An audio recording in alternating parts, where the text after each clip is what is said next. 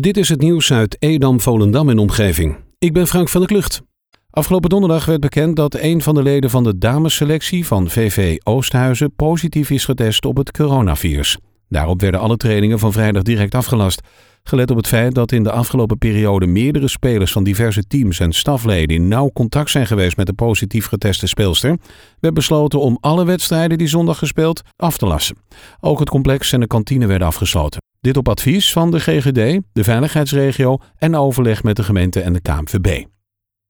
Ook in de derde speelronde is Jong FC Volendam niet tot een overwinning gekomen. Tegen het op papier sterkkrachte HHC Hardenberg werd met 0-2 verloren.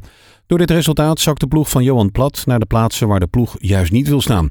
Met twee uitwedstrijden tegen IJsselmeervogels, met twee uitwedstrijden tegen IJsselmeervogels en Excelsior M voor de boeg gaat het een lastige zaak worden om deze positie snel te verlaten. Begin 2021 opent het Dijklander ziekenhuis een IVF-centrum in Purmerend. Het Centrum voor Kinderwens beschikt over een eigen IVF-laboratorium en kan daarmee volledig IVF- en ICSI-behandelingen aanbieden. Het Centrum voor Kinderwens wordt op de 16e IVF-centrum in Nederland en het enige centrum in Noord-Holland boven Amsterdam. Het behandelt patiënten met vruchtbaarheidsproblemen uit de regio en daarbuiten.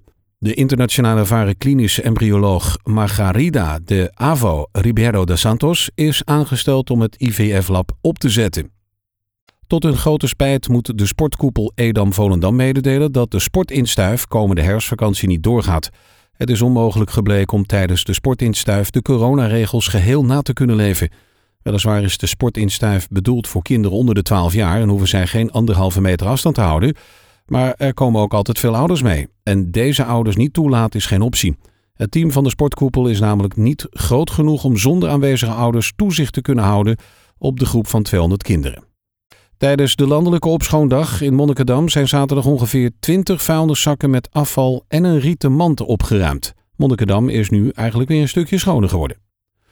De handbalsters van VOC Amsterdam hebben een moeizame overwinning geboekt op Volendam. In sporthal Opperdam werd het 2021. Halverwege hielden beide ploegen elkaar in evenwicht. VOC nam steeds de leiding, maar Volendam kwam iedere keer goed terug. Na de rust nam de thuisploeg zelfs de leiding met 15-12.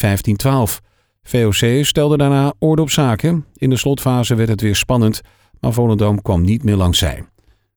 Met 22 coronabesmettingen in het afgelopen etmaal is de regio Zaanstreek-Waterland zondag weer onder de signaalwaarde van 7 besmettingen per 100.000 inwoners gezakt. Dat meldt het Noord-Hollands Dagblad vandaag. Er werden ook weer twee nieuwe ziekenhuisopnames gemeld. En dat was in Zaanstad en Purmerend. Edam-Volendam is met zeven nieuwe coronapatiënten relatief gezien de zwaarst getroffen gemeente. Tot nu toe hebben 188 inwoners het virus opgelopen. In Landsmeer ging dat aantal met twee omhoog naar 58. Het RIVM onderzoekt nu samen met de waterschappen door heel Nederland het rioolwater op aanwezigheid van het nieuwe coronavirus. In totaal gaat het om meer dan 300 meetpunten bij rioolwaterzuiveringsinstallaties verspreid over heel Nederland. Zo wordt het rioolwater van alle ruim 17 miljoen mensen in Nederland onderzocht op coronavirusdeeltjes. De laatste weken neemt hoeveelheid deeltjes in sommige regio's toe. In andere regio's lijkt dit niet het geval te zijn.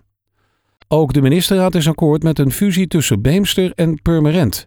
Het wetsvoorstel hierover moet nog voor advies naar de Raad van State en door de Tweede Kamer, maar die laatste twee stappen in het fusieproces zijn slechts formaliteiten. De bestuurlijke fusie volgt op de ambtelijke fusie in 2014. De nieuwe fusiegemeente krijgt een zogenoemde herindelingsbijdrage van 5,4 miljoen euro. Hiervan zou dan 2,2 miljoen euro overblijven.